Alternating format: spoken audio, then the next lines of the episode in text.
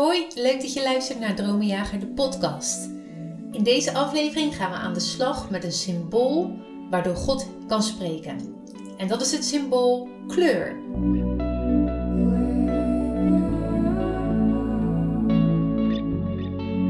God houdt van kleuren. Dat zien we door de Bijbel heen. We zien dat Hij heel vaak kleur gebruikt, maar nooit voor niks. Wanneer God kleur gebruikt, zit er altijd een betekenis achter. Als we bijvoorbeeld kijken naar het bouwen van de tabernakel, zien we dat er specifiek opdracht wordt gegeven voor stoffen en kleuren. Op allerlei plekken in de Bijbel kunnen we lezen dat kleur belangrijk is voor God en dat het een van de manieren is waardoor Hij spreekt tot jou en mij. Ik wil allereerst dit tegen je zeggen. Wanneer jij niet meer weet of dat je wel of niet in kleur hebt gedroomd, dan is het ook niet iets waar God doorheen wil spreken. Wanneer jij in je droom uh, kleding ziet of voorwerpen ziet of andere dingen ziet die een alledaagse kleur hebben, het valt je niet specifiek op of het springt er niet uit, dan is het ook niet iets waar God doorheen wil spreken. Dan gebruikt hij wellicht andere symbolen om tot jou te spreken, maar niet door kleur. Dus het feit dat je het niet meer weet, dat betekent dat je het links mag laten liggen. Maar op het moment dat het jou echt in het oog springt, in de droom of misschien in een visioen of in het alledaagse leven of op een andere manier en je weet, je ervaart van God zegt iets tegen mij, dan mag je er aandacht aan besteden. Kleuren kunnen heel extreem zijn in dromen. Je kan bijvoorbeeld ineens uh, een knalpaarse broek dragen terwijl je denkt: hé, hey, die heb ik niet eens in mijn kast en ik wil hem ook niet eens in mijn kast. Of je hebt misschien ineens een bepaalde haarkleur die je nooit van je leven zou dragen. Maar in de droom is hij daar wel degelijk. Een voorwerp kan een bepaalde kleur hebben. Nou, ga zo maar door. Dan wil je weten wat deze kleur betekent, zodat je kan begrijpen wat God wil zeggen door dit symbool. Als we erachter willen komen wat kleuren betekenen, dan kijken we eigenlijk altijd naar deze twee dingen als eerst. Als eerste kijken we naar de Bijbel. Komt de kleur voor in de Bijbel? Zo ja, wat zegt de Bijbel over deze kleur? In 2 Timotheus 3, vers 16 staat dit. Heel de schrift is door God ingegeven en is nuttig om daarmee te onderwijzen, te weerleggen, te verbeteren en op te voeden in de rechtvaardigheid. Dat betekent dat de Bijbel altijd onze go-to is als we willen weten wat God spreekt door een symbool. Nu kan het zijn dat de kleur niet voorkomt in de Bijbel, of je wil zoeken naar meer verdieping. Dan kijk je vervolgens naar Gods schepping. Iets wat als eerste uit zijn hand komt en uit zijn hart. Romeinen 1 vers 20 zegt: God is wel onzichtbaar, maar uit alles wat hij geschapen heeft blijkt zijn eeuwige kracht en goddelijkheid. Want sinds het ontstaan van de wereld is zijn bestaan duidelijk te herkennen uit wat hij gemaakt heeft. Wauw, wat een mooie tekst. Dus datgene wat God gemaakt heeft, heeft hij gemaakt met bepaalde kenmerken. Nou, we gaan daar straks verder op in en dan ga je me vast beter begrijpen. Laten we kijken naar een aantal kleuren. Allereerst kijken we naar de kleur rood. Waar denk jij aan bij de kleur rood? Als ik deze vraag stel in real life tijdens een cursus of een spreekbeurt, krijg ik heel vaak bijvoorbeeld het woord liefde. Maar als je kijkt in de Bijbel of als je kijkt in Gods schepping, vinden we dat niet uit eerste hand terug. We hebben dat zelf ervan gemaakt dat rood een kleur is van liefde, maar voor een ander is het misschien roze of donkerroze of lichtroze.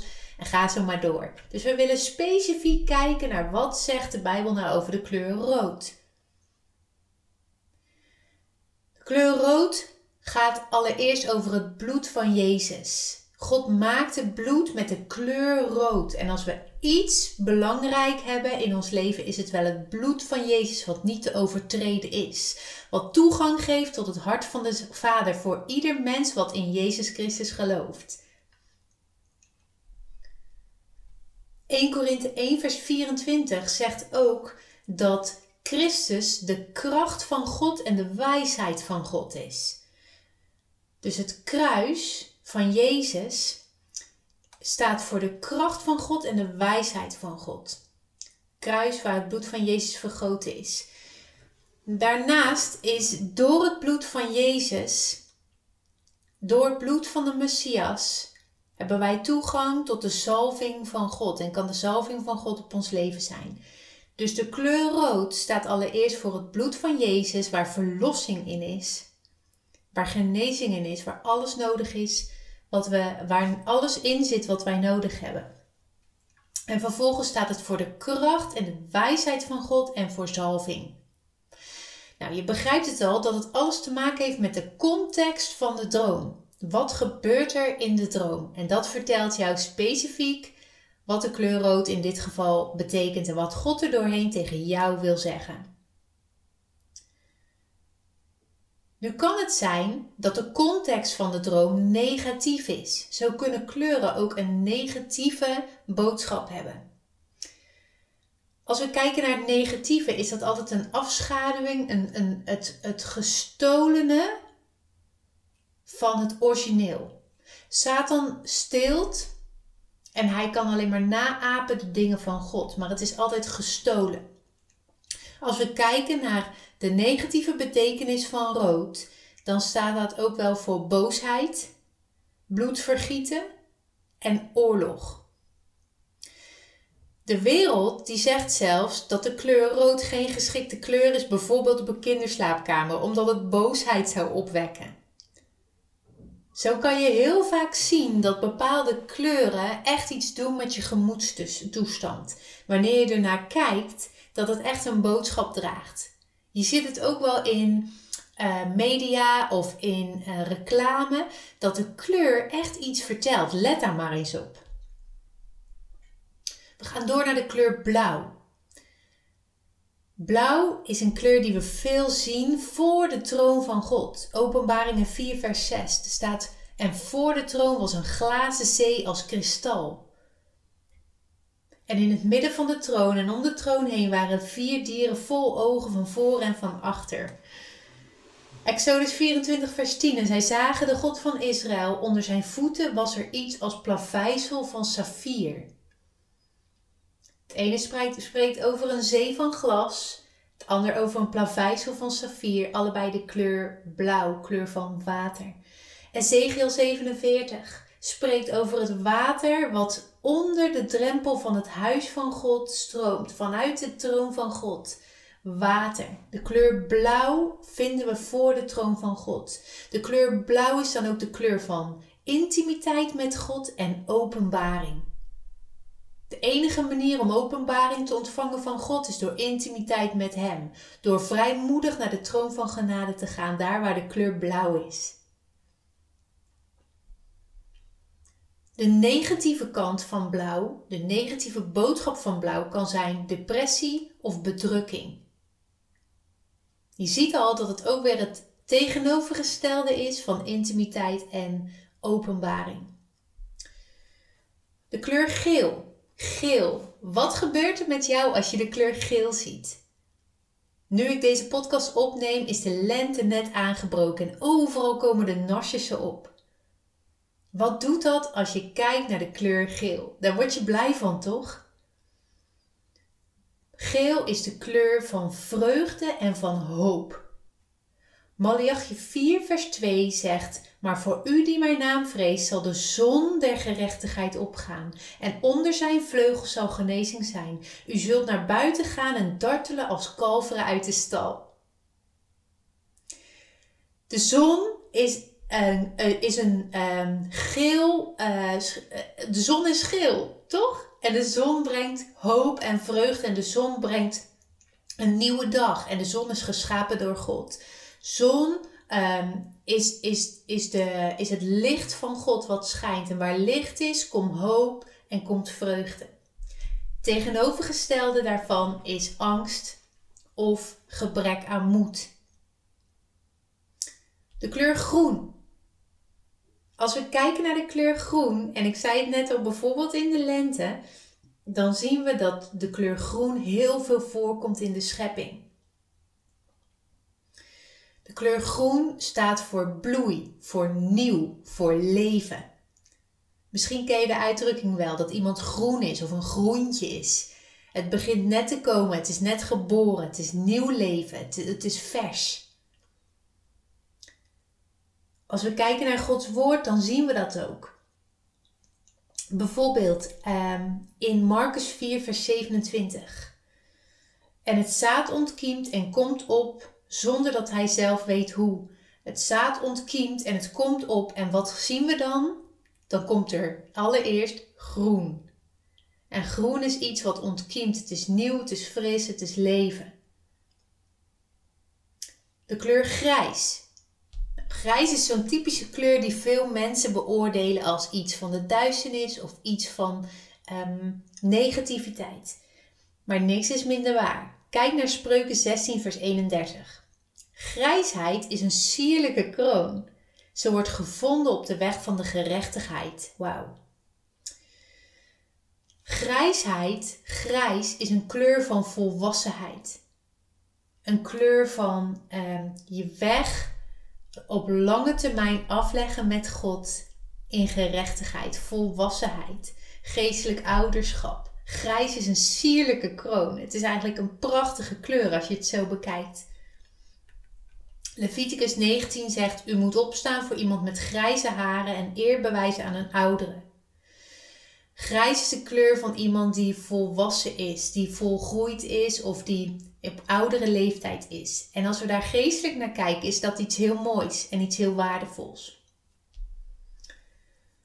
Tegelijkertijd kan grijs een kleur zijn van mist of van de sluier die de vijand ergens overheen legt om het te bedekken. Oké, wit. Waar denk jij aan bij de kleur wit? Ik geef je een kleine hint. God wast jou witter dan de sneeuw. Juist.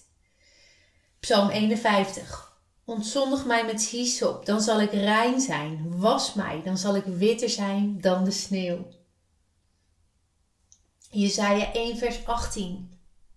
Er staat dat wij zullen worden als witte wol. Dat wij zullen wandelen in witte kleren, zegt Openbaringen 3. Wit is de kleur van reinheid, van puurheid en van heiligheid. Een prachtige kleur. Vlekkeloos, spotless.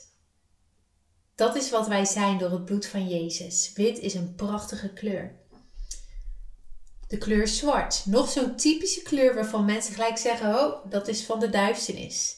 Maar zwart is een kleur van mysterie. God zegt in Jesaja 45: En ik zal u geven schatten die in het donker zijn, verborgen rijkdommen, opdat u zult weten dat ik de Heere ben die u bij uw naam geroepen heeft. Wauw, zo mooi. Zwart is de kleur van mysterie. En zeker in het negatieve kan het duisternis presenteren. Afhankelijk van het verhaal en de context van de droom. Of hetgeen wat God natuurlijk wil zeggen. Zilver. Zilver spreekt van voorzienigheid, van um, overvloed, ook wel van um, voorspoed. Haggai 2 vers 9 zegt van mij, en dat zegt God, is het zilver en van mij is het goud. Het is, spreekt van overvloed, het spreekt van voorzienigheid. Paars. Paars is een kleur die ook veel wordt gebruikt in de Bijbel. En we zien deze kleur altijd terugkomen als het gaat over koningschap en over autoriteit. We zien dat bijvoorbeeld in Daniel, daar staat um, dat zij Daniel in een purperen paarse mantel kleden. En we zien dat bijvoorbeeld op het moment dat Jezus bespot werd, ze trokken hem een paarse mantel aan. Als een bespotting van zijn koningschap van de Joden. Paars is de kleur van koninklijk, van autoriteit. En in het negatieve kan het zijn dominantie of overheersen. Goud. Goud is een heerlijke kleur als je het mij vraagt. Goud is de kleur van heiligheid, van glorie, van Gods glorie. Hooglied 5, vers 11. Zijn hoofd is van fijn goud, van zuiver goud. Zijn haarlokken zijn krullend zwart als een raaf. Er komt weer die kleur zwart in voor. Exodus 25. Dan moet u een verzoendeksel maken van zuiver goud. Goud is de kleur van Gods aanwezigheid. Op het verzoendeksel rustte Gods aanwezigheid. Het is de plek van glorie. En, en goud is de kleur van Gods glorie. Heerlijke kleur. In het negatieve kan het goud de kleur zijn van hebberigheid. In Job 31 staat: Als ik mijn hoop op goud gesteld heb, of het fijne goud, of tot het fijne goud gezegd heb: U bent mijn vertrouwen. Dus dat gaat over uh, het vereren van geld, de mammon en hebberigheid. Hun afgoden zijn zilver en goud, het werk van mensenhanden, zegt Psalm 115. Dat is dus in de negatieve zin. Nou, je hoort het al dat kleuren belangrijk zijn voor God. Kijk naar de regenboog, zeven kleuren, zeven, het getal van Gods volheid, van zijn volledigheid, zeven kleuren in de regenboog waarmee God zegt: Mijn trouw duurt voor eeuwig. Mijn verbond met jullie staat vast. We zien dat God graag spreekt door kleuren en dat doet Hij ook tegen jou. Ik wil je aanmoedigen Ga met de Heilige Geest kijken naar de kleuren die jij hebt ontvangen in een droom of misschien op een andere manier. Wat zegt God hier doorheen? Een grappig voorbeeld is deze. Ik kreeg een droom en in die droom zag ik allemaal roze bloemen. Dit is een heel verhaal, deze droom, daar ga ik niet te diep op in. Uh, maar in deze droom zag ik roze bloemen en tussen die roze bloemen lag een roze muis. Hier kan je eigenlijk heel goed zien, uh, de context van een droom vertelt je de betekenis. De bloemen staan voor bloei, voor nieuw leven en voor geur.